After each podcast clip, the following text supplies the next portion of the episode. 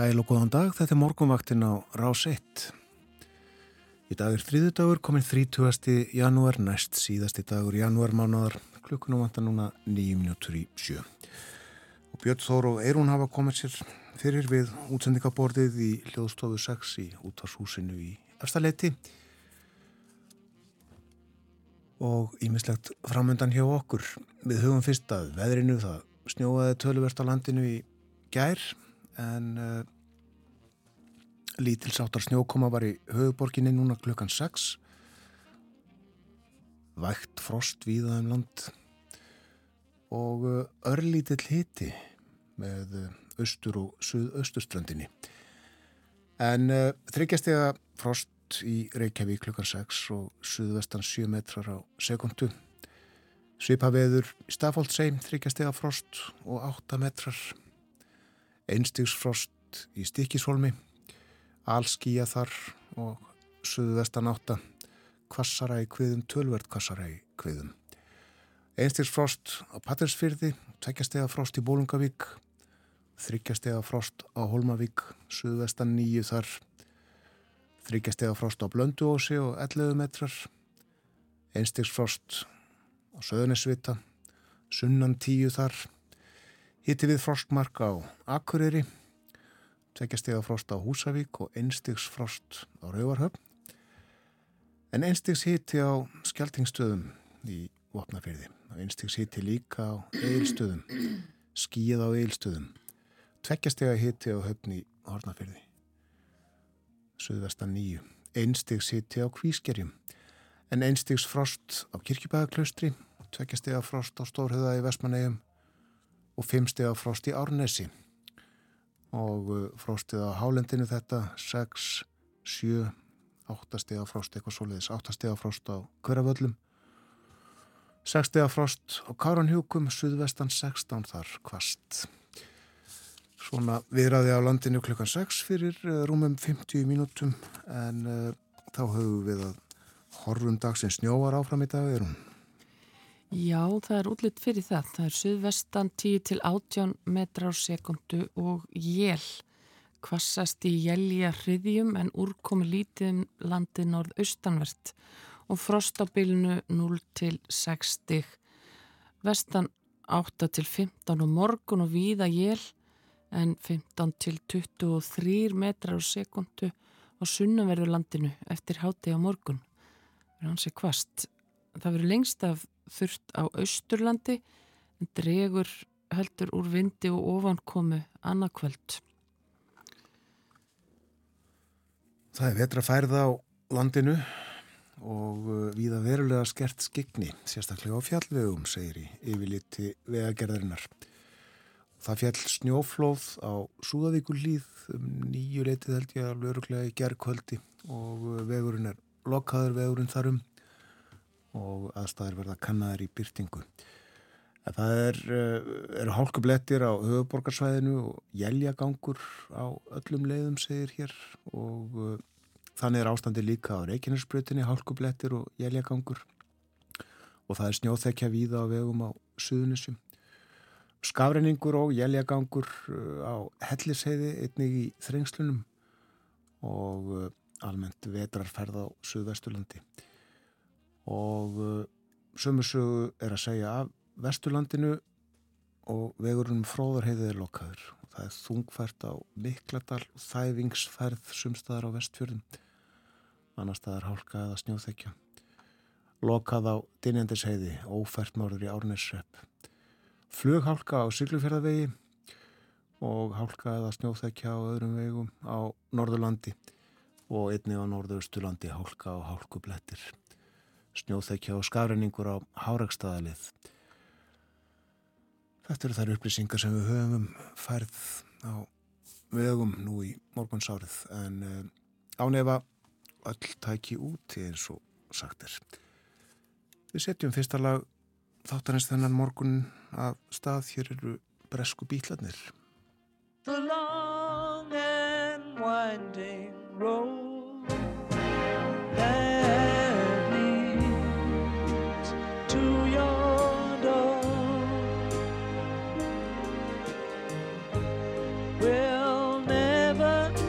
disappear. I've seen that road before.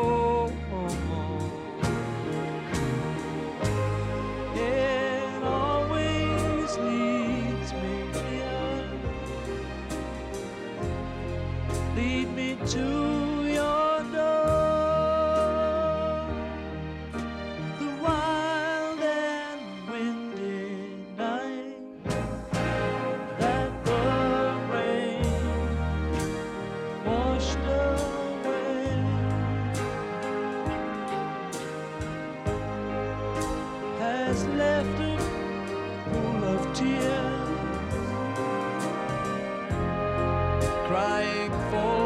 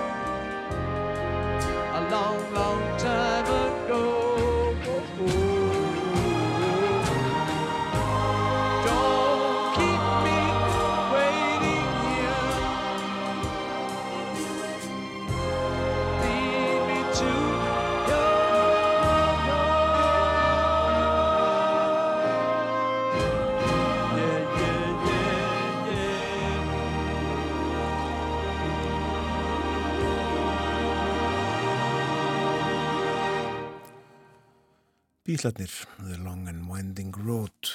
Það eru liðin í dag 55 ár síðan að bílarnir komu síðast fram, heldu tónleika á þaki Apple fyrirtækisins í miðborg Lunduna. The Long and Winding Road reyndar ekki á efniskráni en uh, Get Back var þar til dæmis. Frettirnar eru framöndan hjá okkur.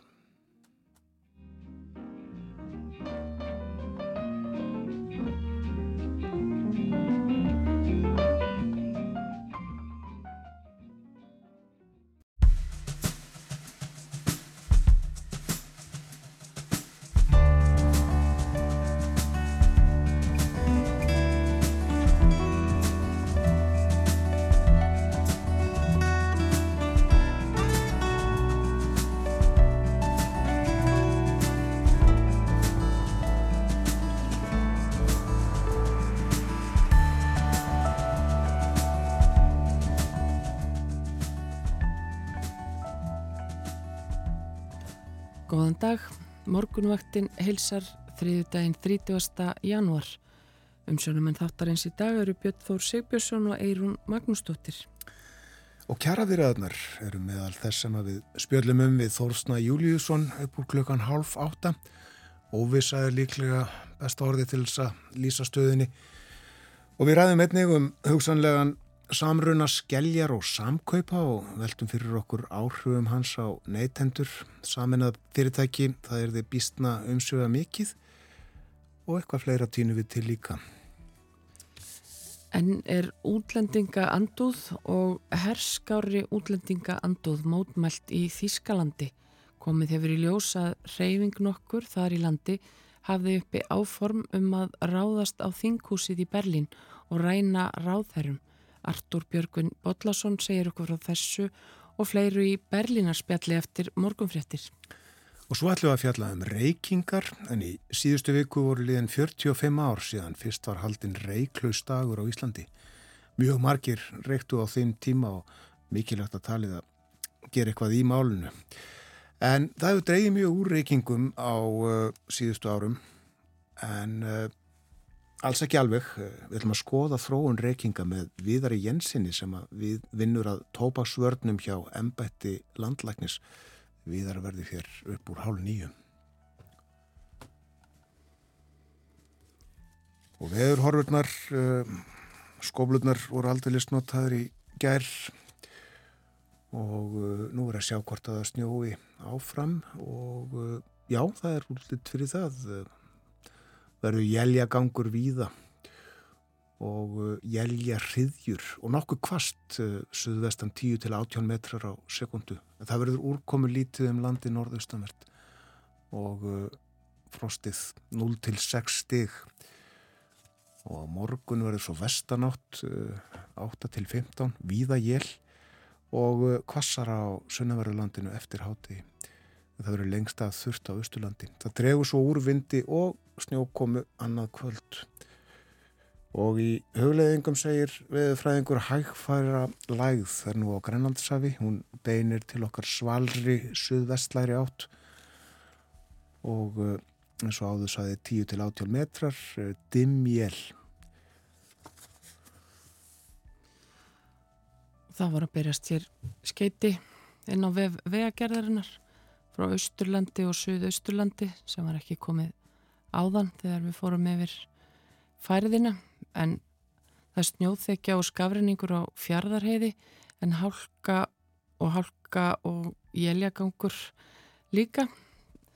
Það vantar en þó upplýsingar um nokkra leiðir en það er ófært á öksi og breytalsheiði og það er einni nefnt hér að sérst hefur til reyndýra við vegi í Altafyrði, Hamarsfyrði og Berufyrði og vegfærandur beðnir um að sína aðgátt á þessum slóðum.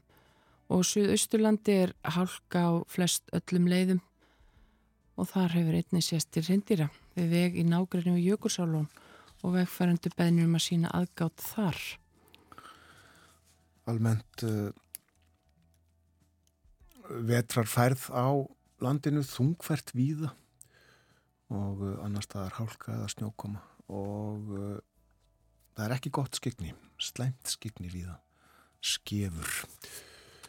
Svona eru aðstæðir í landinu í dag meira veðri hér á eftir en viðstofan gaf í gær út yfirleitt yfir tíðafærið á síðasta ári. En uh, lítum í blöðin, uh, ekki að byrja á fórsíðu morgunblöðasins, er hún þúst með hana? Hér á fórsíðu morgunblöðasins er fjallað um Grindavík, svo vera byr, það er mynd af stórum rauðum gámi sem að hefur verið stilt upp við einhvers konar lókunar post við Grindavík og þákað hafa íbúar geta farið til að vitja eigna sinna, fóru í gær og, og aftur í dag en umferð er stýrt inn í Grindavík og íbúar þurfa að sína QR-kóða til að komast inn í bæin og sækja muni. En hleyft var inn í bæin í Hollum og hafði íbúar þrjár klukkustundir til að sækja það allra mikilvægasta. En þetta var í fyrsta sinn sem að íbúar fá að fara inn í bæin síðan eldgós hófst 14. januar. Og plássið var nýtt til hins ídrasta í hverri bifrið sem fór inn í bæin eins og sjáum á, á myndum, segir hér og, og við sjáum það á þessum myndum að það er, það er vel þjappað í bíla og kerrur. Fólku þetta reynir að hafa sem mest með sér að færa að fara hann inn í, í stuttan tíma og margir íbúana höfðu ekki komið inn í bæin síðan fyrir jól og því beðið óþrjöfullir eftir því að fá leifi frá lauruglu og almannavörnum til að komast til Grindavíkur og inn á heimili sín. Akstur skilirði voru ekki með besta móti á Krísuvíku vegi gær og sátu einhverjir grindvikingar fastir en þó hafi vegagerðin rutt veginn um morgunin en mikil snjókoma var og því var vegurinn fljótt aftur ófær. En hér á fórsíðinu er líka talað um Palestínu flottamanna aðstóð saminuð þjóðana en stuðningur við hana var rættur á ríkistjórnafundi eða verður rættur á ríkistjórnafundi í dag öllu heldur. Áframhaldandi stuðningur verður metin að loknu samráði um framhald málsins við Norðurlöndin og fleiri ríki með hliðsjón af öllum fyrirlikjandi upplýsingum og aðstæðum þetta segir Bjarni Benditsson utaríkis ráðherra í kjölfar fulltrúa, í kjölfar fundar fulltrúa utaríkistjónustunar með palestínu flottamanna aðstóðinni í gær. En þó nokkur ríki tók upp á því að stöðva greiðslur til stopnunarinnar vegna ásakana um tengsl fyrirverandi starfsmanna við Hamas hriðverkasamtökin og árás þeirra á Ísrael 7. oktober. En þetta verður allt saman skoðað og endurmetið í dag á fundi ríkistjórnarinnar. Líka verða að fjalla um í morgunblæðin í dag uh, smiðju, nýju byggingu alþingis. Það eru þingmenn með skrifstofur og uh, þingflokkar með fundu aðstöðu og, og alls konar önnur starfsemið þarna líka. Það er rætt hérna við þrjá þingmenn og uh, sko það er sagt til dæmis frá því að þingmenn með bannað hengi upp myndir á veggi í skrifstofun sínum og þeir mega heldur ekki hafa eigin húsgögg þar inni, þurfa að sætta sig við sófa sem að alþingi leggur þeim til. Og rætt hér við Bergþór Ólason, þingmann miðflokksins, hann segist vilja losna við sófan sem að þingi laðanum til.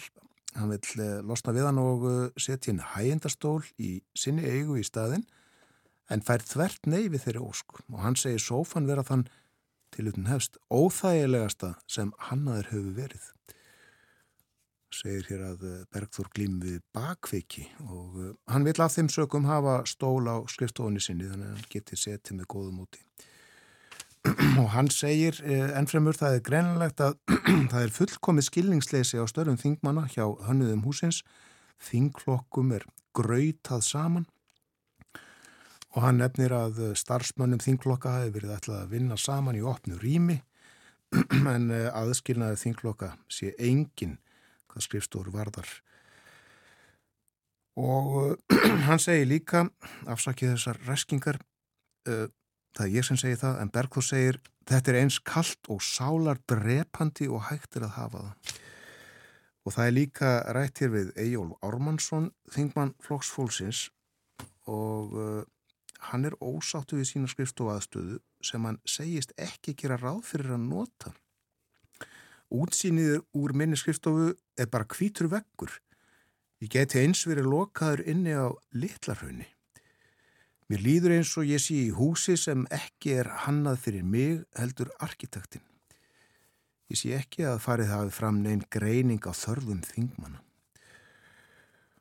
Og uh, það er annað hljóð í Þorgerði Katrínu Gunnarsdóttur sem að hvaðst ekki kannast við almenna óanægið þingmanna með þá aðstöðu sem þeim er sköpuð í henni nýju byggingu. En uh, þó séu fá einn praktísk atriði sem betur mætti fara. Það uh, væri betra ef ekki væri hljóðbært á milli skrifstofa þingmanna. Og hún segir þetta eru spennandi tímar, ég er nokkuð sátt, þetta er bara svolítið brokkgengt í byrjun. Og uh, það er rætt hérna líka við Ragnar Árnardóttur skrifstofustjóra alþingis, hún segist skinja almenna ánægi með alþingmanna með nýja húsnæðið og uh, bæti við að tíma geti tekið að venjast breytingum en uh, máli skipti að gefa nýju umhverfi tíma og ekki breyta nema að vel ígrunduðu máli. Tekið sér á móti ábendingum og óskum frá þingmunum og starfsfólki á sérstökunni netfangi. Þetta var um uh, smiðju. Við fórum yfir veðurhorfur dagsins hér áðan en uh, eins og ég gatt um að uh, þá byrti við stofan í gær uh, yfirleiti yfir tíðafar síðasta árs, ársins 2023. Og veðurfar var að mestu, lagi, mestu leiti hagstætt. Það var hægviðrasamt, þurft snjólétt og yllviðri tiltölu að fátíð. Árið var þó í svalara lagi ef miðað er við hittafar síðustu ára. Á landsvísu var hitin 0,1 stígi undir meðalagi árana 1991 til 2020 en 0,4 stígum undir meðalhita síðustu tíu ára. Að tiltölu var kaldast á Norðurlandi en hlýra Suðvestarlands og við Suðuströndina. Og það var óinu kallt fram eftir janúarmánuði og aftur í mass en júni var aftur á móti óinu hlýr á Norður og Östurlandi og viða sá hlýjasti frá upphafi mælinga í þeim landslutum. Og ári var tiltölu að þurrt, úrkoma var undir meðalægi um mest allt land, þá voru nokkur þurr tímabila árnu til dæmis í mars og í júli, en það ringdi líka hressilega inn á milli og það var óinni þungbúið og blöytt á sunnan og vestanverðurlandinu í mæ og júni.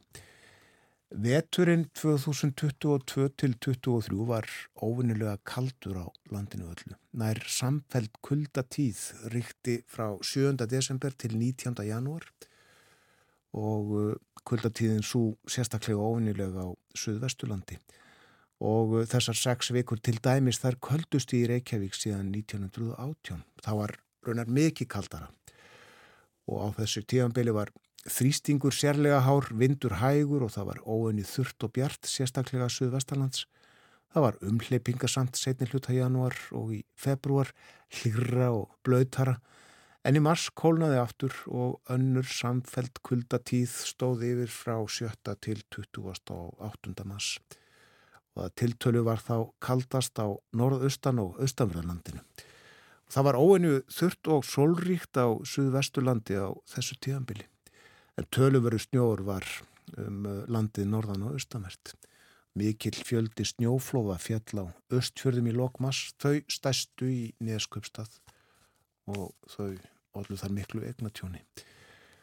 Vorið, um, það uh, segir í yfirlitinu, já það var tiltölu að hlít ef frá er talið vikulant kuldakast í lok april voru var þurft og solríkt norðanlands en það var úrkomusamt suðu vestanlands. Mæ var sérlega úrkomusamur og þungbúinn sunnan og vestan til og mánuðurinn víða á meðal blöytustu mæmánaða frá upphafi mælinga. Nokkur slæm suðu vestan og sunnan kvassviðri gengu yfir landið senti mæ sem á allir tölvarum skemdum á gróðri. Tré runnar og annar gróður mistu lauf og letu ásjá langt fram eftir sumri og uh, fyrstu tveir sumarmánuðirnir voru mjög ólíkir, óvinnileg hlýjandi voru á norður og austurlandi í júni og þetta var hlýjasti júnimánuður frá upphafi mælinga á Akureyri og Eilstuðum og víðarraunar í þessum landslutum. Á meðan var óvinnið þungbúið og úrkomu samt á sunnan og vestanverðarlandinu. Í júli voru aftur á móti norðan og norðaustanáttir ríkjandi allan mánuðin þá var kallt á norður og austurlandi en hlýra suðvestanlands.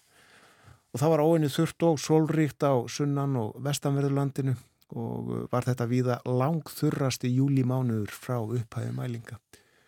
Og ágústmánuður var tiltullega hlýr um megin hlutalandsins, hægviðra samur og þurr framanaf. September var svalari og úrkomusamari. Og höstið Já, það var hæfiðra samt, snjólétt, veður almennt gott, það var tilturlega hlýtt sunnalands en kaldra fyrir norðan. Desember var svo tilturlega kaldur en hæfiðra samur. Já, þetta var yfirleitt yfir tíðafar síðasta árs, eh, það eh, var byrt á vefveðstofunar í gær og það eh, eru alls konar upplýsingar, ítalegar upplýsingar með töflum til dæmis sem að fólk getur kynnt sér þetta finna á fórsíðunni. Nú hlustum þá á lag. Eh, það er eh, fyrir hver að vera síðastur eiginlega að eh, hlusta á lagið Janúar með Sunnu Gunnlaugs og félagum hennar í janúar mánuði. Það er jú næst síðasti dagur janúar. Og hér er lagið, Janúar.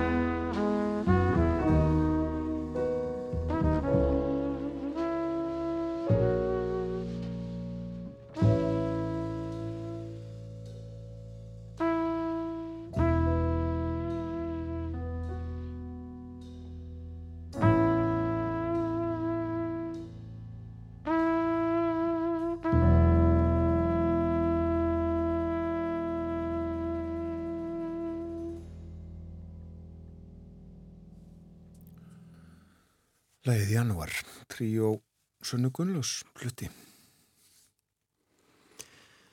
Það segir hér frá því á vef Víkur frétta sem er með pötan á púlsinu varandi allt sem gerist á Reykjanesi, Suðunisjónum og það segir frá því að uh, framkvæmdir vegna Suðunisalínu 2 muni hefjast síðsumars en úrskura nefnt umhverjus og öðlindamála hefur hafnað kröfu raunavina, landvendar, landgræðslu og umhverju samtaka Íslands og náttúrvendarsamtaka Suðvesturlands um að fella úr gildi ákverðin bæjastjórnar Sveitafélagsins Voga frá því 30. júni 2023 að veita landsneti framkvæmda leifi fyrir Suðunesalínu 2 og hér að vísa í vef landsnets en þar með eru öll framkvæmda leifi á línuleiðinni í höfn, segir í fréttvíku frétta og samið hefur verið við stærsta hluta landiðanda en hjá ráðunetti umhverjus orku og lofslagsmála likur fyrir beðni um heimil til eignarnáms á hluta þryggja jarða sem línan likur um og ósamið er við. En undirbúningu fyrir framkvæmdir gengur vel og framöndan er að bjóða át efni í loftlínur en innköpum á jarðstreng er lokið og það segir hér að ef allt gengur að óskum þá verður jarfinna bóðin út í vor og framkvæmdir hefjast eins og áður sagði síð sumars.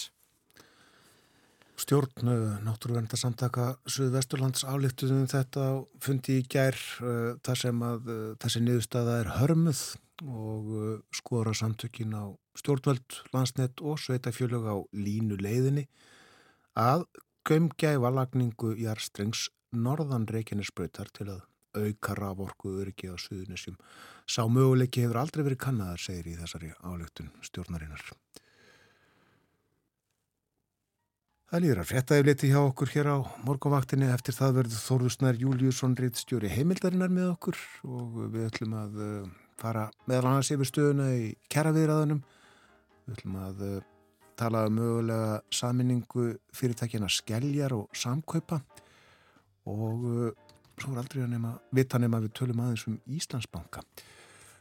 Og ég minni á að eftir fréttinnar klukkan átta, eftir morgunfréttir, þá verður Artúr Björgvin Bodlason með okkur Berlínar spjall á sínustaf á morgunvaktinni á þriðu degi.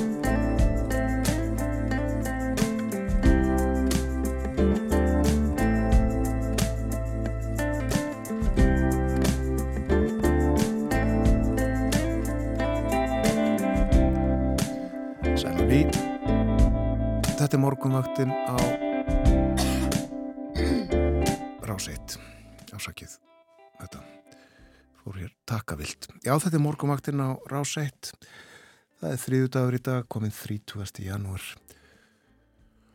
Næst síðasti dagur mánaðarins. Klukkan réttliðilega hálf átta. Það farið yfir veðurhorfur dagsins í fréttaflitinu hér áðan. Verður svolítið frost á Íslandi. Og uh, það er frost í uh, nokkrum að höfuborgum Norðurlandana þryggjast eða frost núna í Óslo og uh, þar mun snjóa í dag. Einstigsfrost í Stokkólmi og hittin fer nú eitthvað upp fyrir frostmarki þegar best lætur í dag. Þryggjast eða frost í Helsingi og uh, þar verður frost í dag en það er fjórastega hiti í Kaupanahöfnum og búast við kannski fimmstega hita þar í dag þegar hlýjast verður. Það er jökulkallt í núk á Grennandi 19 stega frost þar núna þegar klukkan er að verða hálf 6 að mótni og uh, verður 16, 15-16 stega frost eitthvað svoleiðis yfir hádægin. En í París uh, þar verður 12 stega hitti og maður búast við svolítið til sól í dag. Svalt í Berlin sem stendur tveggjastega hitti þar. Í uh, Rómarborg er tveggjastega hitti en uh, sólinn við það að koma upp og um, hún mun skína glatt í dag og hittin verður um 15 steg og í Madrid verður einnig sól og 15 stega hitti.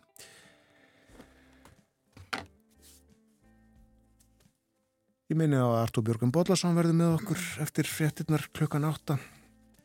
En uh, nú er hins vegar komið að spjallið um efnahag og samfélag. Þórðusnar Júliusson, rittstjóri heimildarinnar komin í þáttin heil og sæl og góðan dag. Góðan dag.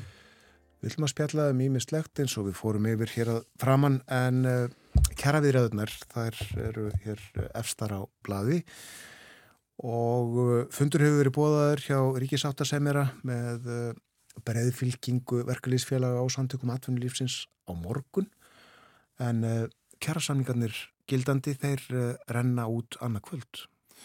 Já, á 50. morgun er friðurinn formlega úti og þetta verið áhugaverðar kjæraviðræður svona kannski þegar það eru borðnar saman við þær sem uh, voru á undan vegna þess að það var byrjað með allt annan tón en við höfum kannski að venjast úr þeirri hörku sem hefur engjent kjara baráttuna á undaföldnum missurum, sérstaklega eftir að svona ný kynnslóð fórustumanna tók við í stæstu stjættafélagunum og almennamarkaðunum uh, og uh, byrjaði svona á milli jól og nýjás með saminleiri yfirlýsingu samtaka aðunlýsins og þessar svo kalluðu breyðfylgingar sem er Eh, eru fulltrúi 93% félagsmanna í Alþjóðsamband Íslands og þar leðandi stórsluta almenna vinnumarkaðarins mm.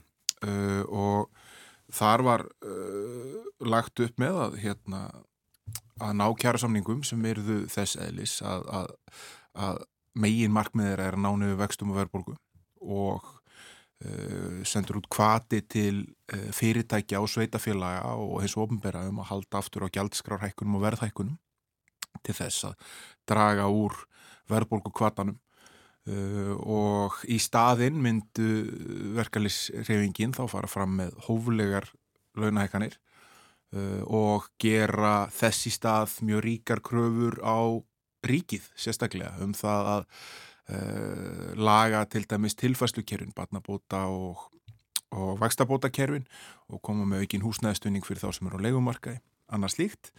Uh, pakki, uh, tilfæslukerfispakkin sem hefur verið metin á cirka 24 miljardar króna á ári Já. og í þessum gangi gekk í dag alveg fram þánga til í miðugdag í síðustu viku þá virtist ástinn úti og uh, þá var viðræðanum uh, eins og þær voru búin að vera formlega slitið og deilunni vísa til ríkisáttasemjara og þar er hún nú og lítið hefur vist þokast áfram uh, og það sem svona virðist vera aðal atriðið er það að hérna, þrátt fyrir að krónutöluhækkanar sem er verið að fara fram á séu ekkit háar í stóra samhenginu þá uh, eru mismunandi skoðanir á því hvernig eigi að meta inn það launaskrið sem gæti fyllt. Og til þess að útskýra það á meira mánamáli þá uh, krónutöluhækkan eru þannig að, að, að, að og það liggur í þeim að ef að segjum að laun hækjum 25.000 25 krónur á alla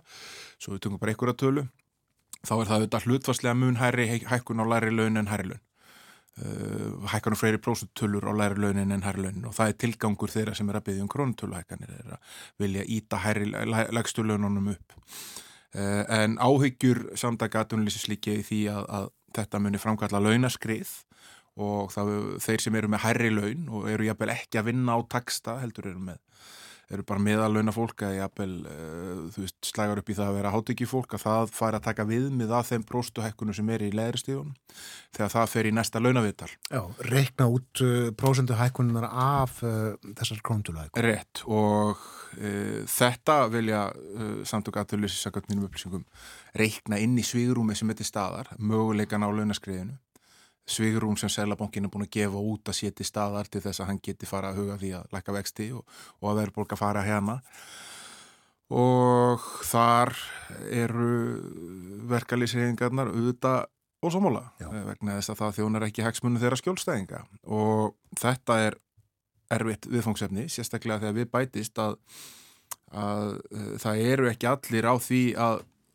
uh, byggjum krónutölhækkanir, það eru þetta önnur sveitafélög meðal annars uh, háskólafólk og hérna sem hefur hort á það að vægi háskóla mentunar hefur í, í launum hefur verið að draga saman sem horfið frekar til bróstuhækkunar uh, sáum núna bara fréttir í, í fjölmjölum í morgunum það að starfsmenn fjármálafyrirtækja munu fara fram bróstuhækkanir og uh, allur ofinberi geirin er eftir, samningar hjá ofinbera geiranum renn ekki út fyrir en í lók mars.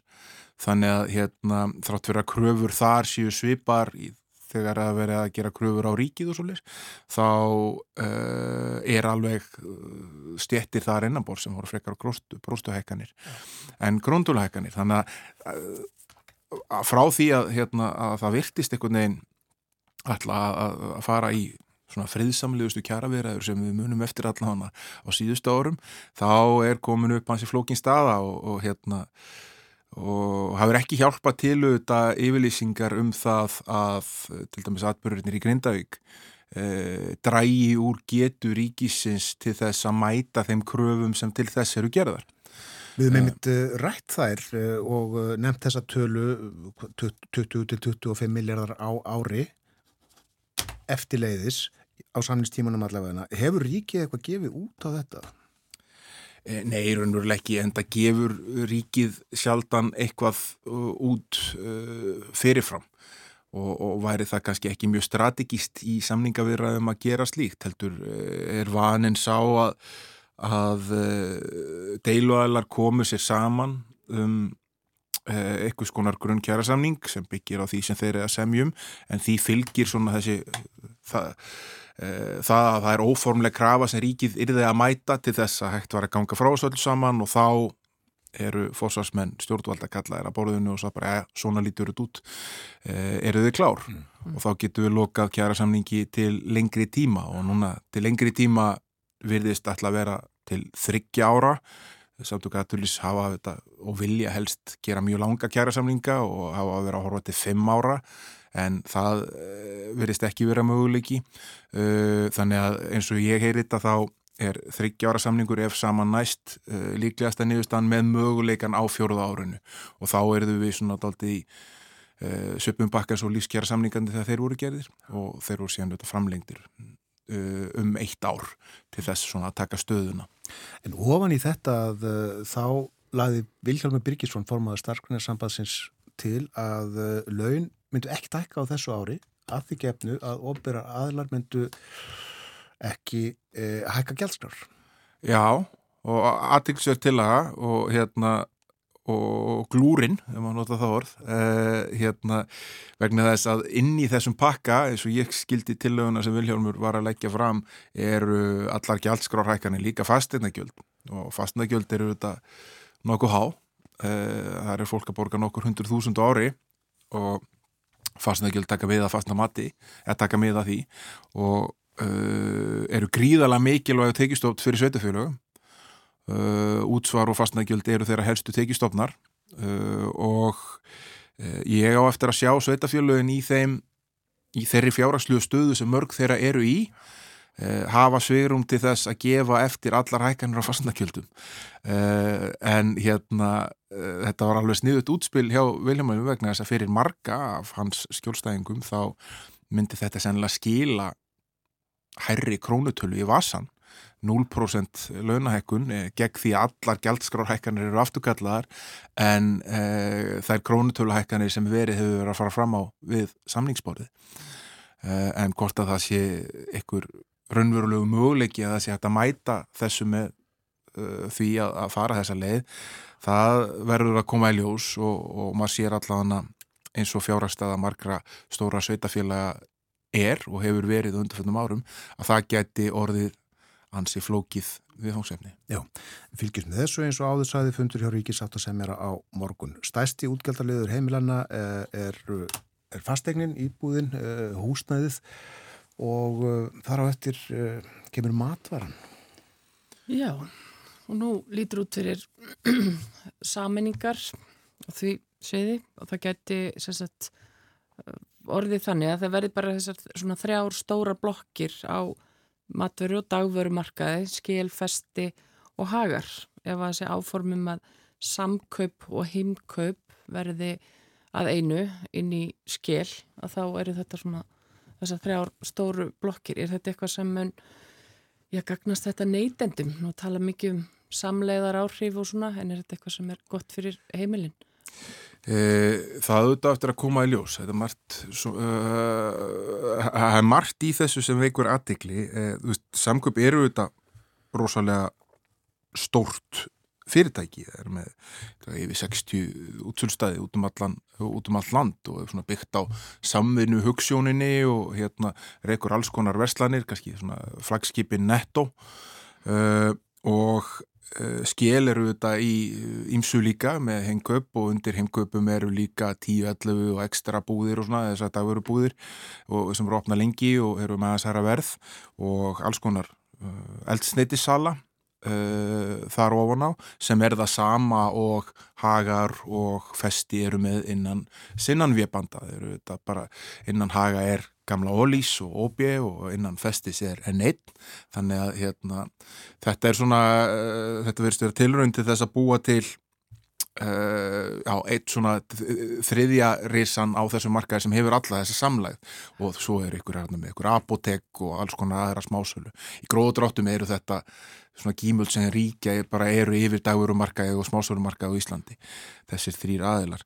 Uh, það er fleira sem vekur aðtilgjarna þannig eru þetta uh, skel sem er núna fjárfestingafélag hétt einu svonni skeljungur hétt er þetta skeljungur í 93 ár. Og nafninum og tilgangi félagsins var breytti upp af ást 2022 eh, og þá var það búið til að breytti fjár, fjárstekafélag og allar svona eigninnar eh, þær eru gerðar svona ef maður lefur sér að sletta standalón eh, eða þú veist búin til sérstök félug, rekstarfélug í kringum þær.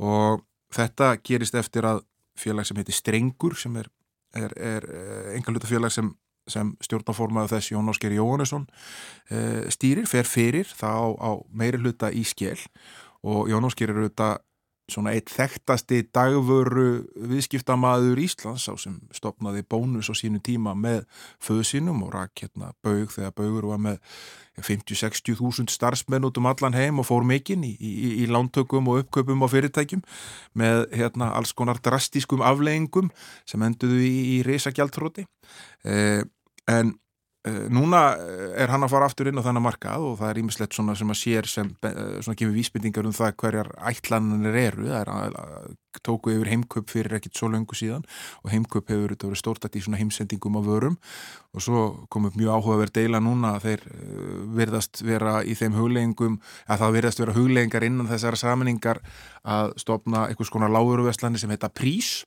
en uh, gáðu ekki að nafninu almenlega vegna þess að ASI var nýbúin að gefa út svona verðkönnunar app sem hétt prís og það er komin eitthvað svona uh, höfundaréttar deila uh, um það hvað hver má heita prís, hvort það sé appið eða búðin. Og Það verður bara mjög aðtiklisvert að sjá ef að þetta gengur allt saman eftir sem manni finnst líklegt vegna þess að skil var búin að greinlega undibúa þetta í eitthvað tíma, ég byrju á því að kaupa hlut KEA í, í, í samkaupum núna snemma í janúar og svo var farið í þessar viðræður strax í kjölfarið. Eh, hvort að þetta auki samkeppnin á þessu markaði það það er þannig að hérna, það eru fleiri búðir innan þessa mengis en eru uh, hjá festi og, og högum en auðvitað krónu og bónusbúðunar kannski tölvöld stærri og með meiri framlæg en, en margar af búðunum sem eru innan við banda samkaupa. Uh, en þetta er svona klassískur íslenskur markaður, það eru venilega þrýr aðilar sem berjast á söpum fórsöndum um, um, um, um það að selja okkur það sem við þurfum. Og það heiti fákerni í fræðanum Já, já, ég held að e, það sé e, engin vafi um það að nánast allir markaðir og Ísland eru fágætismarkaðir, hér er nánast engin e, samkeppni erlendis frá e, og þar auðvitað, skiptir mála við erum með einn gjaldmiðil sem sveplast þannig að það er svona kannski áhætta sem í svona framleiðar viðkvæmum geira eins og smásölu að það er hérna, getur úr hansi stór áhættar mjög fáir erlendir aðeinar sem að trissir inn á hana marka, Costco reynda komið hérna inn en virðist hafa aðalagað verðið á mögur leiti að sé fljótt að íslenskum aðstæðum uh, og hérna Báhás kom hérna inn og einhverjum tíma og hérna maður hún ekki kannski orðið var við einhverja stórkostlega samkeppni í, í, í byggingavöru geiranum eftir þá innkomu og tók langan tíma að komast að stað og svo frammeins. Þannig að hérna þetta er svona, þetta klassiska fyrirkomulag við erum með, erum með þrjú tryggingafélög og við erum með þrjá banka og við erum með þrjár maturu keður sem selja okkur flest það sem við þurfum þrjú fjarskipta fyrirtæki og svo frammeðis, þetta er svona reglan um þrjá Já. og flestir svona sem uh, skipta markanum hansi bróðulega á milli sín og hérna kannski ekki miklar uh, vendingar á milli ára. Nei, og samkynningsyfirvöld þurfa auðvitað að veita sína blessun en uh, það er nú uh, ólíklegt annað en að þau heimilega þetta svona í ljósi þess að, að fyrir eru hinn fyrirtækinn tvö með uh, svipaða starfsemi og, uh, og meiri Já, það er hérna þetta, þú veist, klárlega eru hvorki samköpni skil í markasráðandi stöðu og samilitt félag verður það ekki heldur.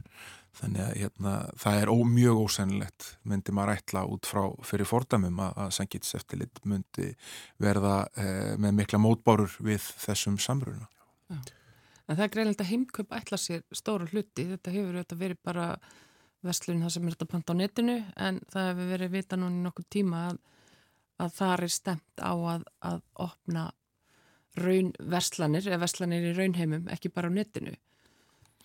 Já, já, og svo er þetta auðvitað bara miklu meira þetta er eldsneiti og þetta er bílafottur og þetta eru liv og, og hérna, þú veist, það er livjasala og hérna þannig að, þú veist, þetta er svona uh, þessi smásala og, og svona kannski uh, almenna heimilis uh, það sem almenn, svona, almenn heimili er að neyta, við þurfum að þrjóða bílinn við þurfum að kaupa íbúfinnið við þurfum að, að, hérna, að fá eldsneiti á bílinn, hvort sem það er ramagn eða, eða, eða, eða efna eldsniti og svo þurfum við að kaupa í matinn og þetta er svona koncentrerast inn í, í þessum stóru einingum sem eru þá hagarfesti og núna ef allt gengur eftir þetta nýja eh, sem eh, samkaup og skil eru að reyna að búa til. já.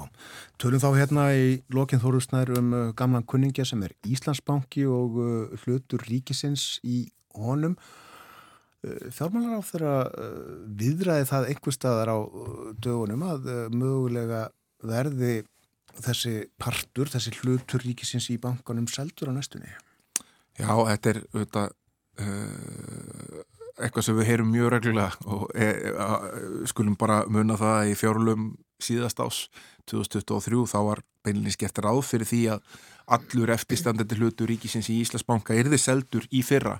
Það er að segja 42,5% hlutur og að það myndi skila tæpum 76 miljörðum í ríkisjóð sem eru notað til þess að greiða niður skuldir. Uh, og við vitum það að því varð ekki og fyrir vikið uh, bara svo að gera þess að það var ekki staðið við þær forsendur sem voru í fjárlögum síðast ás, þá hækkuðu vakstakreislu ríkisins um 6 miljardar þannig að það eru 6 miljardar sem við greitum til viðbótar uh, við eigundur ríkisjós í vexti á árunnu 2023 vegna þess að það var ekki staðið við það að selja þennan hlut.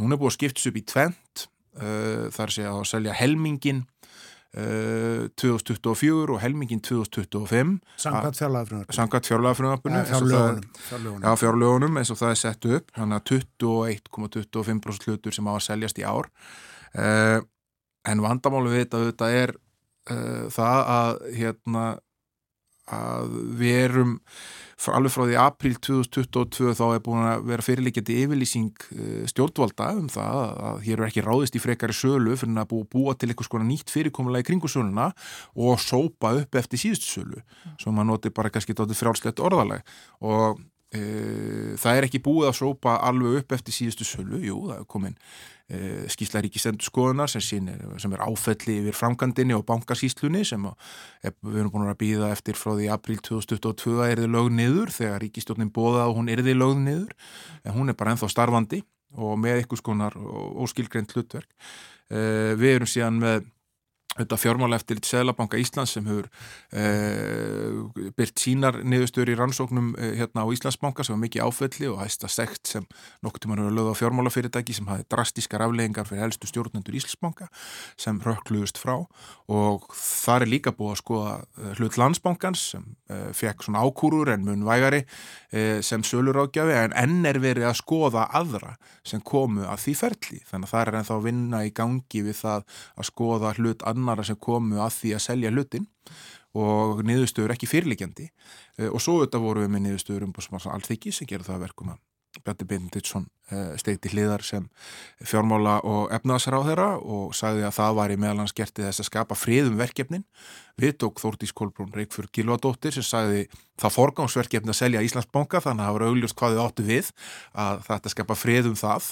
Og í ljósi þess að niðurstað umbósmanns alþingis varu þetta eh, vegna þess að Bjarni hafi skort hæfi til þess að selja félagi föðu sem sluti í bankanum í síðustu í, í síðustu söluferli og enn er ekki komið fram frumvarp um það hvernig eigi að handera sölu á eignar hlutum ríkisins e, í svona fyrirtækjum. E, það er á þingmála skranni að koma fram núna ekkert um hann á bylunu janúar til miðsmass en það er ekki komið fram þannig að það er ansið mikið eftir Uh, og við skulum líka bara munna það að síðast, að ég allan að síðasta könnun sem ég fann um það um skoðun fólks á því hvort að þessi ríkistjón hefði tröst til þess að selja hluti banka. Það var könnun sem maskinni gerði í nógumber 2022 og það voru 63-64% á þeirri skoðun að henni var ekki tristandi mm. og síðan þá hefur þetta, fylgið þessara flokka sem hann að mynda hríðfallið og stuðningur við hana líka. Uh, þannig að, og þetta er svona stæsti skandal þessarar þessa kjörtímabil synga til held ég að sé óhætt að fullir. Það er Salan og Íslandsbanka hluti Íslandsbanka í mars 2022 og það verður bara mjög áhugavert að sjá hvort að það verður gert til raun og ég held að ég geti nú alveg fullirt það að ef að það verður farið það að selja hluti Íslandsbanka þá verður það gert Eh, með mjög opnum hætti og þannig að um almennt útbor verða að ræða þannig að öllum verði gert kleift að kaupa ég held að það verði ekki gerð svona tilrönnum það að spila eins og stórustrákarnir í Európu líkt og var verið að reyna að gera hérna voru 2022 með ansið drastískum afleggingum Eh, Sú sala enn til eh, meðferðar eh, á vettvangi alþingis á eh, fundi stjórnskipunar og eftirlitsnefndar þingsins eh, á morgun sem verður opinn þá verður eh, fjallaðan um þetta og segir í tilkynningu frá þinginu. Fundarefnið er upplýsingagjöf til ráþera um stöðu bankasíslu ríkisins sem sjálfstæðra stofnunar og um framkvæmt hæfisregluna stjórnsýsluréttar við undibúning að sölu á hlutríkisins. Já, og hann með Bjarni Bendisson að fara að koma fyrir þessa nefnd uh, þrátt fyrir að hann hafi sagt að þessi fjármálu efnaðsráður að 10. oktober og þetta er tekið þennan tíma að, hérna, að koma því í kring að hann geti komið fyrir nefndina og opinn fund uh, þannig að það gerir slóksins 31. janúar. Segjum þetta gott í dag eh, bætum við eftir umfjöldunræðinni hérna hjá okkur eh, fyrst í dag eh, sem voru kjara viðræðunar að vaksta ákvörðin hjá Sælabankunum verður í næstu viku viðugdægin í næstu viku Þóruður Snær þakkaði fyrir að vera með okkur í dag. Og fréttinnar hjá okkur framöndan eftir þær verður Artur Björgvin Bodlason með okkur Berlínarspjall á sínum stað og uh, hann ætlar að tala um uh, útlendingaandúð og uh, þjóðverðnistefnu í Þýskalandi líkum önnur stjórnmál, ef við getum sagt sem svo og svo litum við menningu líka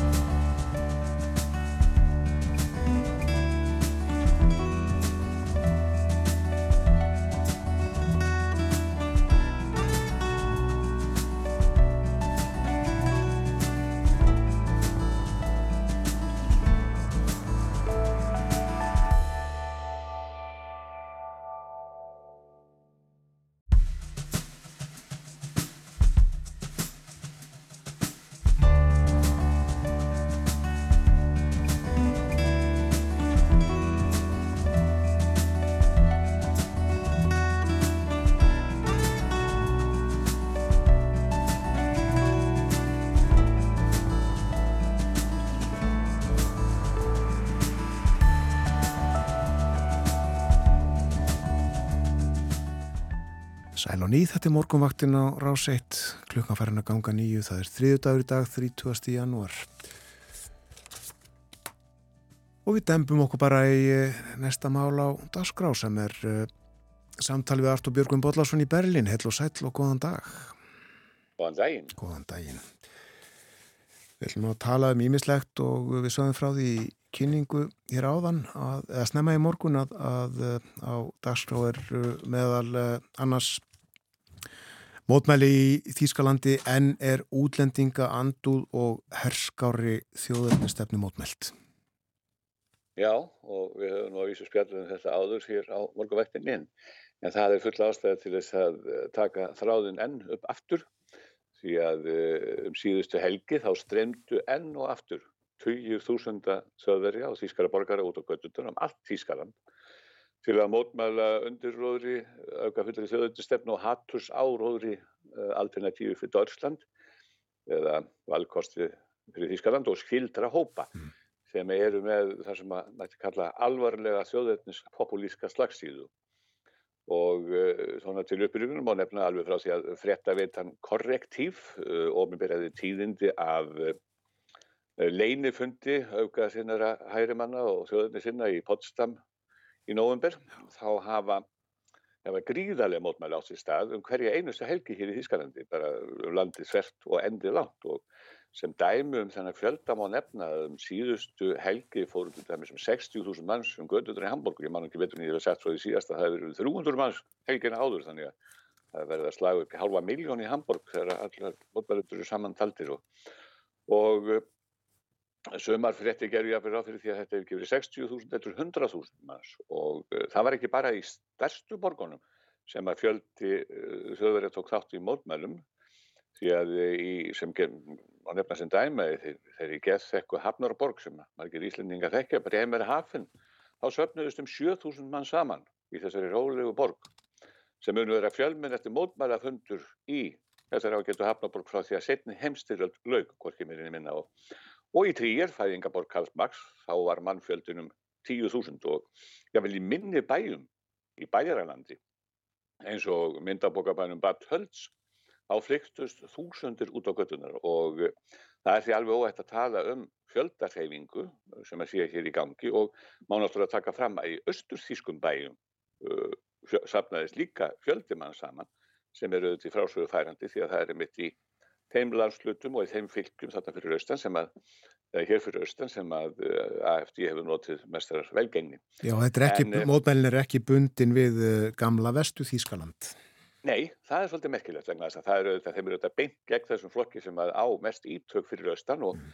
þar er fólk að rýsa upp líka, ég menna það voru mótmæli á döðunum í Erfurt, það voru mótmæli núna í mörgum smerri bæjum þar sem að þúsundur komu saman til þess að andmæla þeim flokki sem er að sætja sér veðrið á þeirra heima slóðum og, og það er eftir þetta verðt að allir stjórnmálaflokkar, að undan skildum sjálfsögðu valkosti fyrir við fagnar þessum mótmælum. Og það er kannski kaltænislegt en það var einhver ágættu fréttaskýrin til þess að sagði það hér á djónum að það er svo merkilegt að, að eina málefnið sem að uh, þessi þrýr sundurleitu flokkar í ríkist og þýskarhans geta komið sér saman um. Það er að vera mót, það er að, vera, að fagna þessum mótmælum. Mm. það er eina málefnið sem geta saminast um og það er náttúrulega svolítið kaltanislegt og það séu þetta æskilegt og gott að ég gerir það. En stjórnarallstæða þessu eh, fagnar þessum mótmælum líka og og það er til margsum þann mikla einhug sem að eh, stór meiri hluti þjóðverja er að sína með þessum aðgerðum að sjálfur Þískarlandsforsiti Steinmeier, hann hefur, hann hefur fagnat þessum ofnbæða og hvart fólk til að taka þátt í þeim og, og það er svolítið merkilegt að í gærbóðaði Steinmeier uh, fórsiti fórustu fólk í altså atvinnureikenda og verkefliðssefingarnar á sinn fund þar sem að fundarmenn voru alveg samála um að róttæk þjóðverðnishyggja uh, flokka eða hópa að borða við AFD væri skadaleg og hún væri beinist hættuleg fyrir Þískaland. Uh, það væri mjög háskalett að, að ef að reyndir við að takmarka eða taka jáfnvel fyrir innflutning á ellendu vinnuafli. En það getur leitt til alvarlega grepp í þýsku atvinnulífi og þýskum innæði og þetta er einn hlið á málunum sem reyndar hefur lítið verið rætt og, og og hérna er aðtiklisverða þetta er bara, þetta getur, sko þessi stefna hún getur verið háskaleg fyrir, fyrir þýst atvinnulíf og þýst, þýskan innað og, og efnahagslíf í heild og uh, ég hef áður nefnda reyndar að það er ekki bara AFDE sem er kveikjan eða var kveikjan að þessari miklu fjöldarhefingu því það eru fleiri hópar sem hafa verið að ógna eða hafa verið, já, verið svona ógna líraðinni hér í Þýskalandi og það má til dæmis nefna svo kallega ræksburger, ég minnst að þessa menn áður, þetta fólk áður, ríkisborgara, eh, sem komst upp um fyrir rúma ári og eh, eftir að nokkur er fórsprakka þessa dölafulla hóps voru neftir í varðhald á þessum tíma, ég held að við höfum sagt eitthvað frá því hér á morgunvaktinni, að þá hafa smám saman eh, síjast út eh, svona allskins upplýsingar um, um hugar þar og fyrirætlanir þessa hóps. Það er förðulegur maður sem nú handikið fyrstur sem heitir því skýtnaramni Heinrich VIII prins Reuss. Ég ætla að segja hvað gamla maðursettum, þetta er umlega 70 kaupsíslu maður sem var leiðtói þessa hóps. Og í slagtói við hann voru svo nokkurir uppgjafa hermenn úr þýska hernum, auk fólks úr, úr fleiri starfstjættum og, og í húsækinu þessa fólks hefur lauruglan fundið ekki bara umtalsverðar vopnabyrðir, heldur líka heldur er það nákvæmar áætlir um að ráðast á, hvernig við sé hægt að ráðast á þingúsi hér í Bellin og steipa stjórninni af stóli. Og svo fundust líka gögn, það fundist gögn sem sína að hópurinn hafi lagt á ráðunum að ræna minnst að kosti einum ráðherra á ríkistjóð Tískalands og eh, allar þessar upplýsingar sem hafa verið að koma fram í dagsljósið smám saman, það er minna reynda svona einna helst á, á svæsin krimma, það er ekki að segja annað. Og uh, það hefur vakið svona almennan óhug fólks hérna í Þískalandi að svona alderðir skuli hafi verið, í, verið að gerjast í, í, í þýsku samfélagi bara á okkar dögum. Og svo er eitt enn sem má nefna að, að ástæðan fyrir því að þessar ráðagerðir komist upp og uh, þessi menn, þetta fólk var handtekið, þetta voru tæpilega 30 manns sem voru handteknir, ástæðan er svo að lögreglu yfirvöld smikluðu svo kalluðum flugumönnum, tveimur konum og einum karli, inn í þennan félagskap. Og þetta fólk var að látið sem sagt vinna tröst uppreistnarsækjana og komast fyrir um það sem var á segði og það má kannski uh, nefna að fólk það nú ekki vera mjög vel heima í sakamólasögun til þess að, að þekka þetta bræð. Þetta er mjög algengt í, í, í hérna glæpamyndum.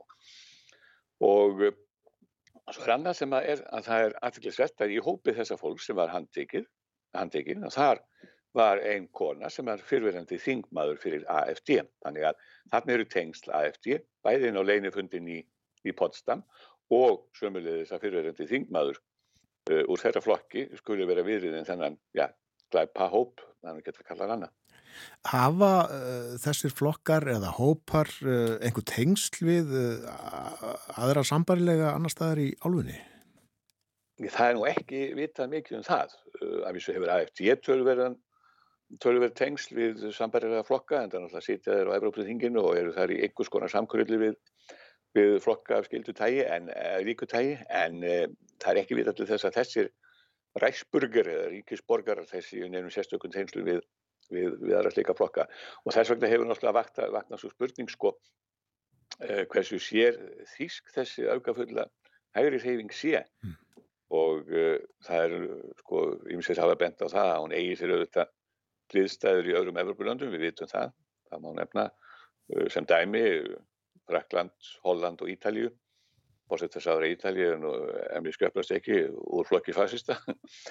Aftur á móti þá er aðtiklisett að í þessum löndum þá hafa þessar umrættu þjóðatisreifingar eins og Le Pen, uh, til dæmis í Fraklandi eða, eða bórsett þess aðra Ítalju, þá hafa þessar þjóðatisreifingar sko verið að mýkast töluvert, sérstaklega eftir að hafa svona svona rótgrónari en menn hafa bent á hinbóin sér þessi reyfing hérna með AFD í fylkingar brústi sífælt að verða herskári og uh, það er svolítið merkilegt að það er eins og hann sé að, að verða róttakar og róttakar í hér en, en það sé aðeins að, að mýkast málflutningur þessara, þessara reyfinga, sambarilega flokka og reyfinga í þessum uh, grannlöndum hér í Evrópu. Hafa komið fram einhverja skýringar á því? Það er svolítið erfitt að segja til það. Kanski, að menn segja að, að það sé kannski vegna þess að, að uh, það sé rámt farið að þessari uh, reyfingullum eins og AFD hérna. Menn sé alltaf að berja á henni, menn sé alltaf að reyna að, djöfla sér, reyna að fá hann að banna það og eitthvað nýtt. Uh, eins og rættir hafi verið upp um hér. En í staðin eigin menn kannski bara að taka hana fyrir málefnalega og gera meira úr því að gaggrína uh, málflutning og, og það hættu sem stafar á málflutningir hefingar. Er að segja meiri málefnalega árásir á, á AFD heldur en að vera alltaf að, að svefla einhverjum uh, mögulegum bóðum og bönnum. Það er einskýringin en það eru sjálfsagt einhverja fleiri skýringar á þessu. En þetta er svolítið eftir þetta verðt að uh, hún er að sækja sér verið hér og verða sífælt rótlækari eins og þessi leinufundur hérna í Potsdam og þetta samkrull við þessa öndalegu ræksburger sínir. Já, tölum um uh, annað sem að tengja stjórnmálunum, uh, já það var uh, flokksþing, er það ekki heimlega um helgina? Nýja flokksins hennar Söru Vakinnægt?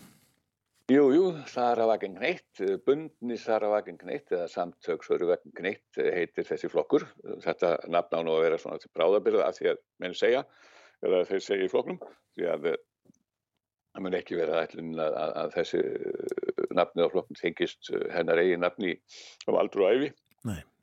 En flokkstingi var haldið hérna það fyrsta um helgina. Flokkur var eins og ég hef nefnt einhvern tíman stopnaður formulega sem sett í byrjun þessa, byrjun þessa mánadar og svo var fyrsta flokkstingi haldið um helgina og það var nú, menn nú með tölumönu spenningi eftir því að sjá hvað þar gerðist og er völdun og sögufræðan fundastaf fyrir þennan fund, þetta var í kvinndóksinu Kosmos hérna í Bellín sem að fórustum menn þíska alþjóðlífeytisins letu byggja á sínum tíma og var flottasta bíóhúsið í, í þíska alþjóðlífeytinu. Þar sáttu Honecker og félagagjarnan og horfðu á miklar og merka síningar. En þarna mættu sem sagt í Kosmos um 400 fulltrúar á flokkstingið og það var hugur í mönnum.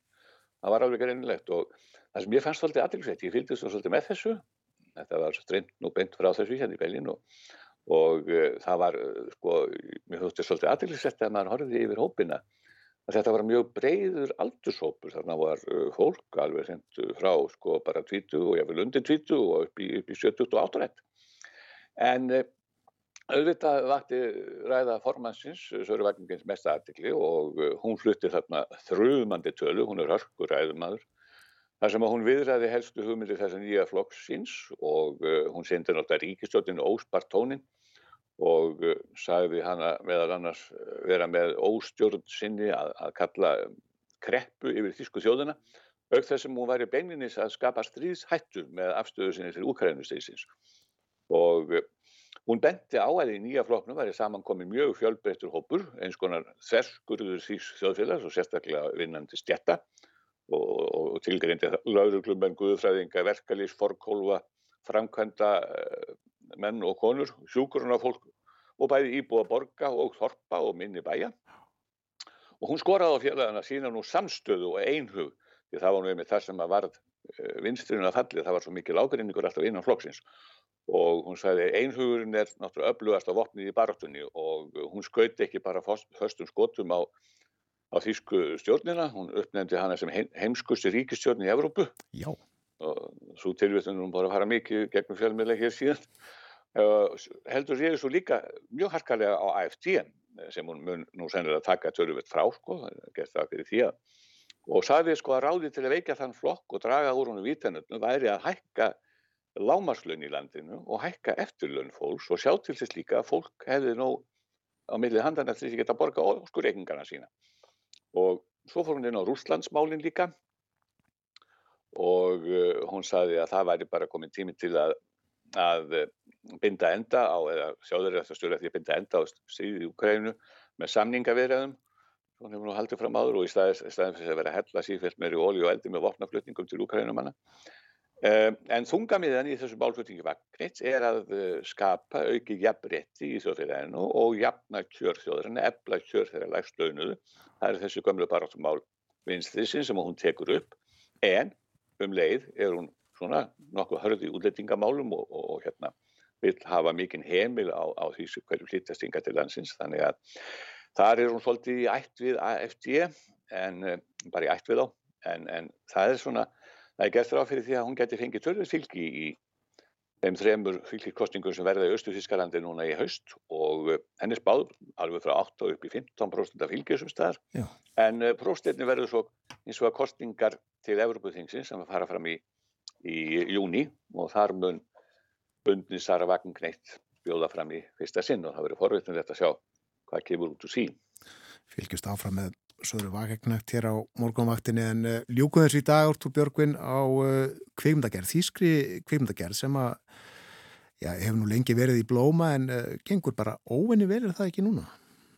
Jú, jú, það er nú gaman að segja frá því að, að sko rifja kannski fyrst upp að í fyrra vann jú þýski leikstjórin Edvard Berger fern Óskarsvölum fyrir kvikmyndina nýtt svona sem vestni eða tíðendalösta vestu viðstöðunum og, og uh, nú eru þjóðverjar ennþá sigursælir þegar ekki kemur að Óskars tilnefningum í það minsta, tilnefningum getur Óskarsveluna þetta árið því að þar eiga e, þeir þrjár tilnefningar, hvort ég meina minna og leikstöðan að fyrst telja fræðar frægan að telja. Við Venders leikstjórn, hann er tilnöndu fyrir myndina Perfect Days eða fullkomni dagar sem hann reyndar vann í Japan en svo er Berlínar leikstjórn Ilker Katak tilnöndu fyrir myndina sína kennarastofan, það er Leretsima og uh, síðast en ekki síst er svo leikonan Sandra Huller tilnæmt sem besta leikona í aðalhutekki og uh, það er kannski rétt að nefna að sáheiður hefur ekki hlottnast þýskri leikonu frá því á fjörða áratug síðustu aldar eða í tæp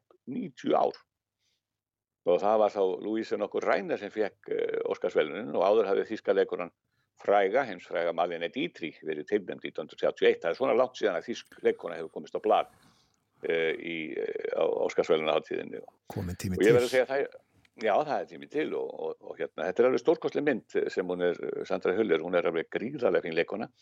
Hún er tilnæmt fyrir frábæran leiksinn í myndinni Anatomíanis falls eða líffræði falls og uh, þetta er mynd sem fjallar um sem sagt, uh, réttarhöldi við konu, maðurinn hennar þeir, sviplega, fellur fram að svölum í, bústað í fjöllunum og hún er sökuð um að hafa átt, já, hún er sökuð um að vera völda döða hans og þetta er, þetta er svona réttar drama en alveg svakalega fín mynd og, og flottur leikur og uh, þannig að það verður nú spenn, spenningu mikill að sjá hvort að hún fær þessi velun í fyrsta sinn í 86 ár sem að þýskleikona myndi að fá þau ef hún færðu en uh, auðvitað eiga þi- þjóðverjar mjög langa og farsfæðlega sögu í, í, í kvikmyndun sem svo þú nefndir og þeir hafa átt alveg frábæra leikstjóra á síðustu áratugum og uh, þar má náttúrulega nefna Wim Wenders sem ég myndist á áðan og, og Slöndorf og Margareta von Trotta og Fassbinder og fleiri sem koma þarna við sögu. Og, Já, uh, já, og já. auðvitað fólk í, í, í öllum þeim störfum sem að eru í kvímdagerðinni tónskald til dæmis. Já, kvikmynda tónskald, það er allt mjög góð og það er gaman að nefna það að, að, að það er kannski fremstur í flokki Hans Zimmer. Og talað um Óskarsverðlunum þá hefur Hans Zimmer sem er fættur árið 1957 verið tilnefndur tólsinum til Óskarsverðlunum og fengiður tvisvar, ekki meirni minna. Og, eh, og því við minnumst og hann háið nú kannski bara ekki úr vegi að við leifum hlustendum að heyra rót af, af kvikmynda tónlist eftir Hans Zimmer. Og þetta er í huga að, að leifa fólki að heyra bara í lokinn þetta fallega stef sem hann samti fyrir kveikmyndina Pearl Harbor sem var sínd árið 2001. Gerum það. Takk fyrir að vera með okkur á morgunvaktinni í dag, Artúr Björgum Bollarsson í Berlín. Takk sem við leiðis. Og við finnum til lægið sem að Artúr Björgvin nefndi uh, úr uh, Pearl Harbor og uh, þetta heitir uh, Tennessee við hlustum.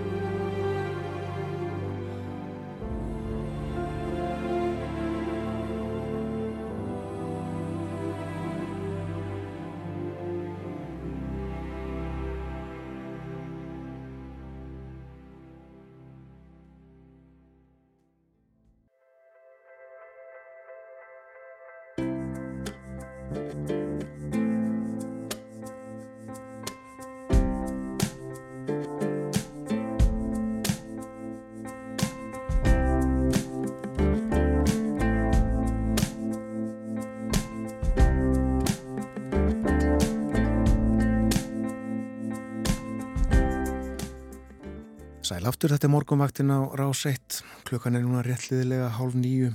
Það er þriðju dagur í dag. Og já, uh, búistu snjókomi í dag eins og síðustu daga víða um land uh, verður þó úrkomi lítið uh, um landið norð-austanvert. Og ég er víða á morgun miðugudag líka en lengst af þá þurft á Östurlandi. En á fymtudaginn þá verða skúrir eða jél og allviða rigning eða slitta svo um kvöldið á fymtudags kvöldið og á förstudag þá kólnar, kólnar með jæljum og frostið að sjöstegum á förstudaginn og alltaf tólstega frost á lögadag og kallt áfram í veðri á sunnudaginn en uh, svo hlýna þess á mándaginn hlýnar þá í byli Þetta eru viður horfna núna næstu daga hér hjá okkur. Við uh, erum komin langt fram í janúar, uh, tveir dagar eftir af uh, þessu mánuði og með hverjum deginu sem líður þá stýttist í olimpíuleikana sem er haldnir verða í París að þessu sinni hefjast í júlílokk.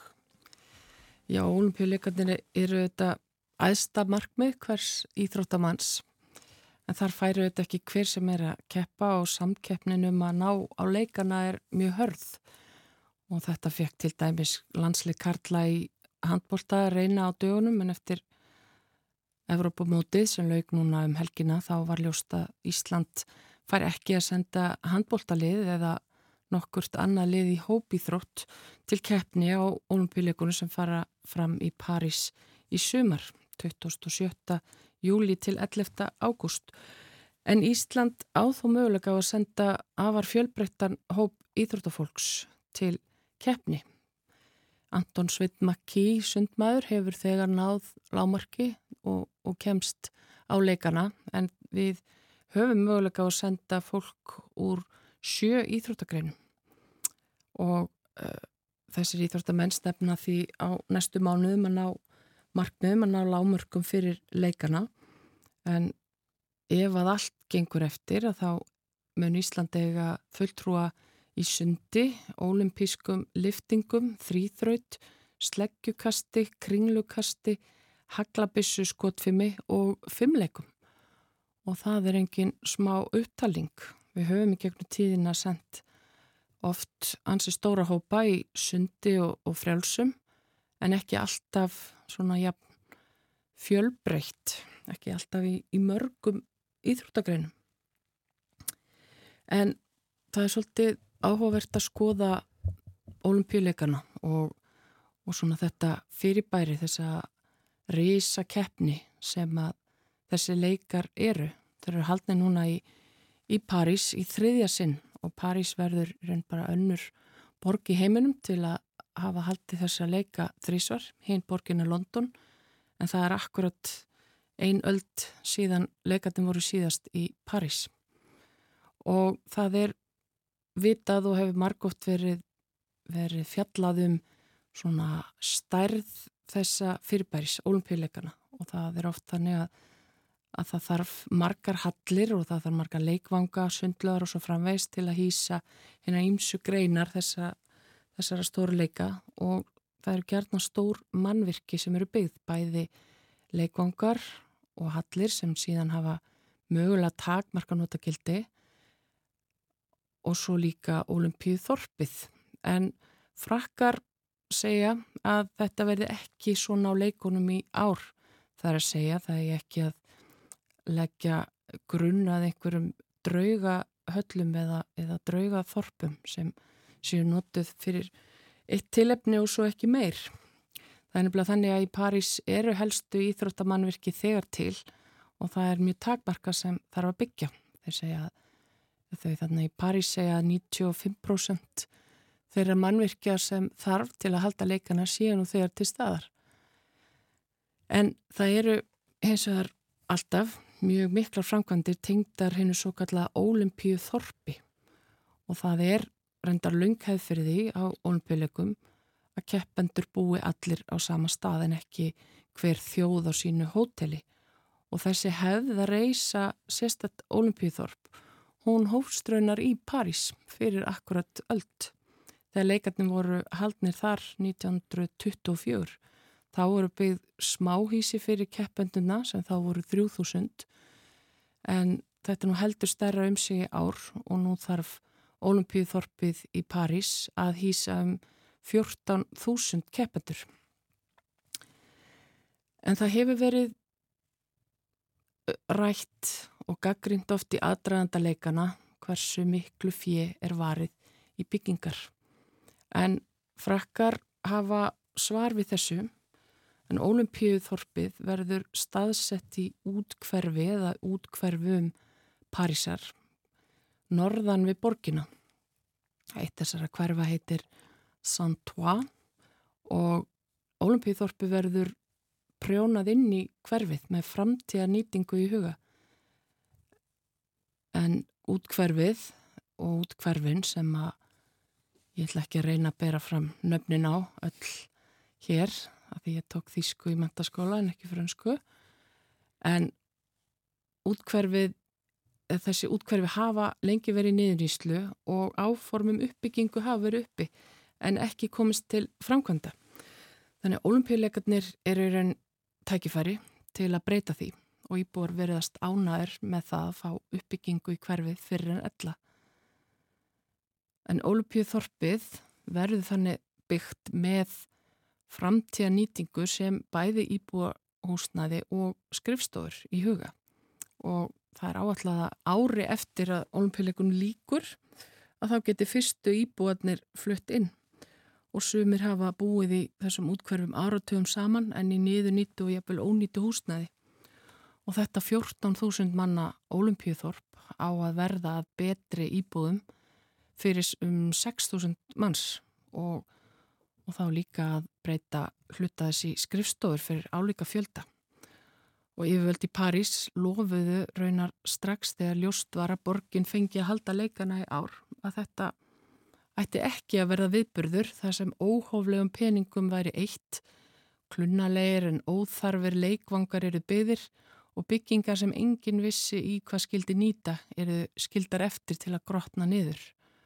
En heldar upphæðin sem var varið verður í olimpíuleikana í sumar er sögð frekar hófsum með að við, viðbura þessari starðagráðu. Talan er kannski ekkit sérstaklega lág, hún er 7 miljardar evra sem er um 1100 miljardar íslenskra króna ef það er rétt regnað. Og svona til að setja þáttölu í eitthvað samhengi þá eru skattekjur hins ofinbera hér á landi 1300 miljardar eða rétt rúmlega það sem einir olimpíuleikar kosta. Að við hefðum efnaði að halda olimpíuleika ef við gerum þá bara ekkit annar.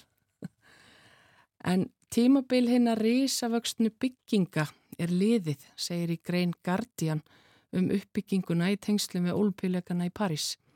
Og þar er meðal annars rætt við Hóriu, 63 ára gamla konu sem hefur búið í útkverfi sem er í niðuníslu nær allt sitt líf eða frá því hún flutti til Fraklands frá Allsýr og hún verður eina af þeim fyrstu til að flytja inn í nýja ólimpíu íbúð á næst ári úr félagsleiri íbúð sem hann hefur búið í nokkra áratíu en er í húsi sem er að hruni komið og verður rifið.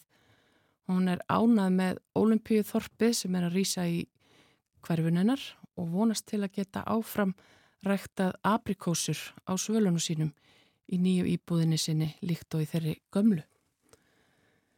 Þannig að það stendur mikið til í París.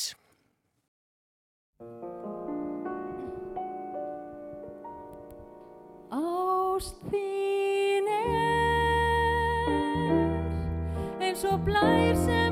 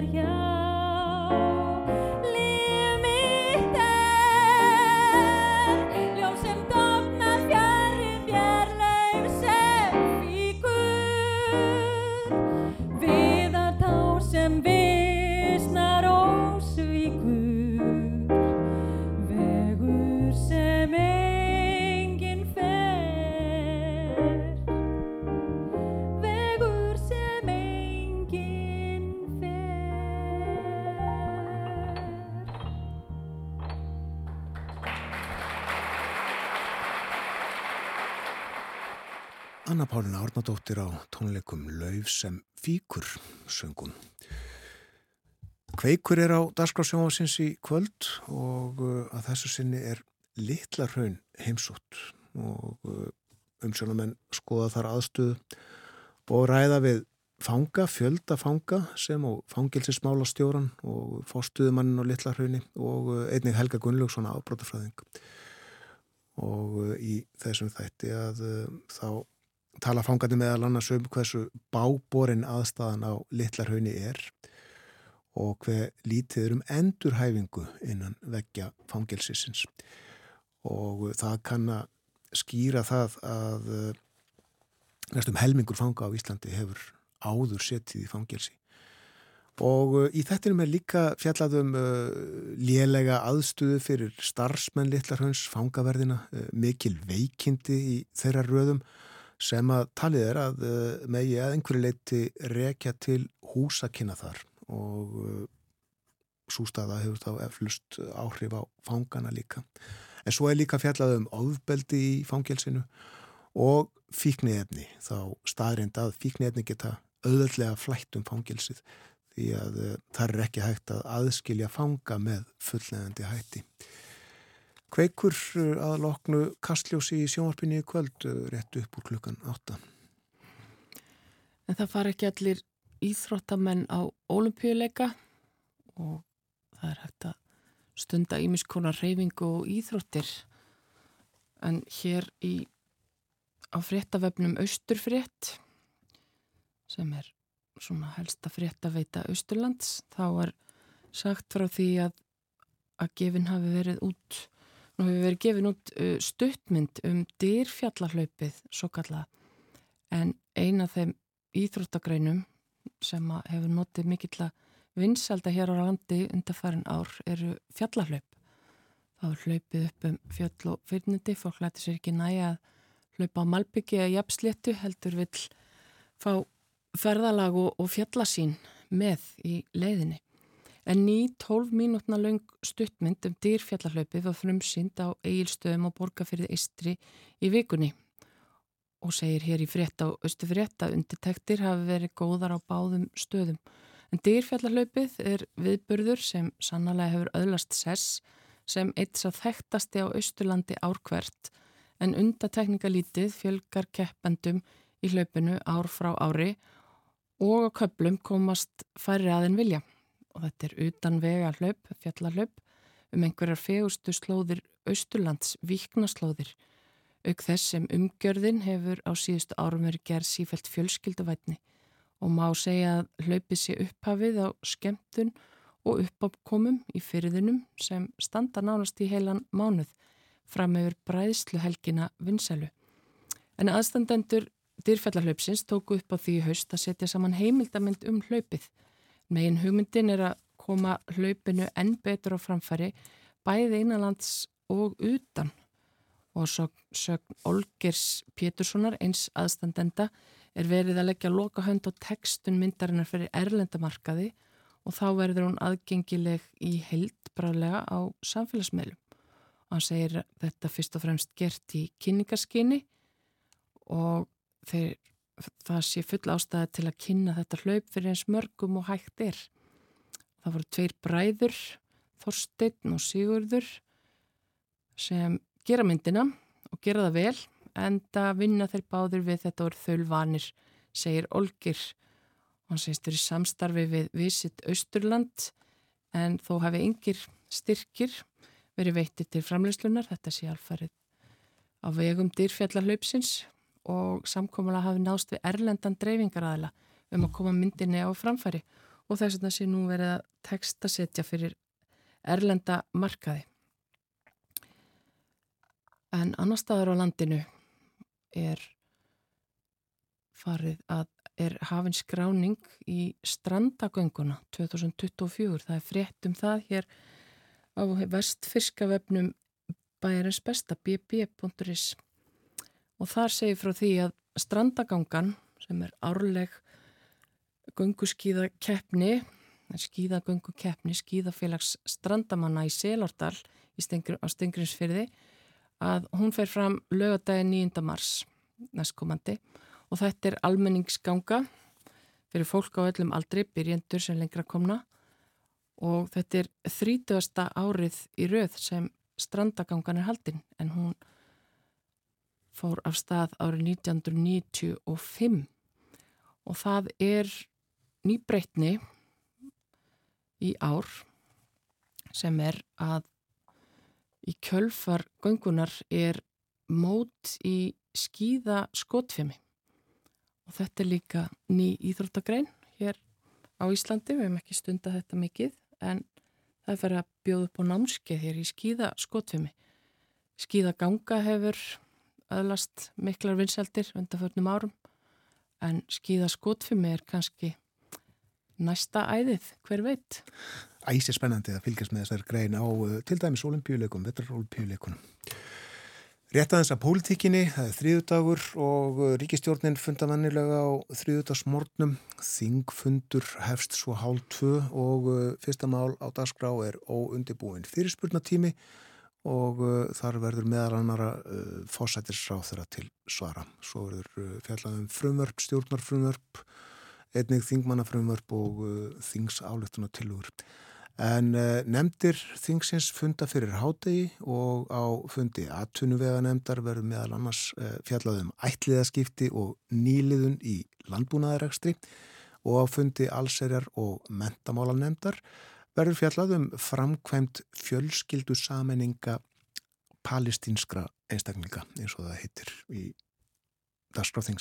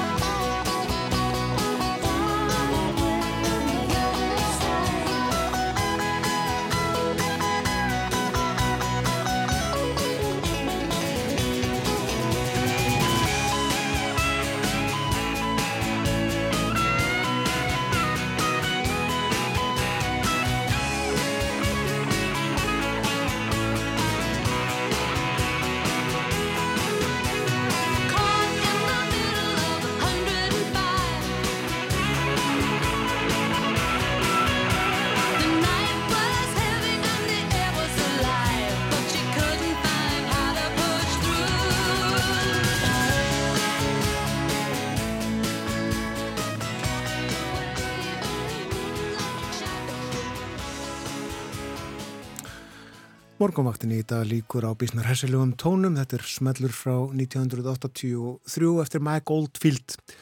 Vinkonaðans Maggie Riley söng. Já, klukkunum vantar 5 minútur í nýju og komið að lokum þáttarins. Já, við erum búin að fara yfir ímislegt í dag eins og endra nær.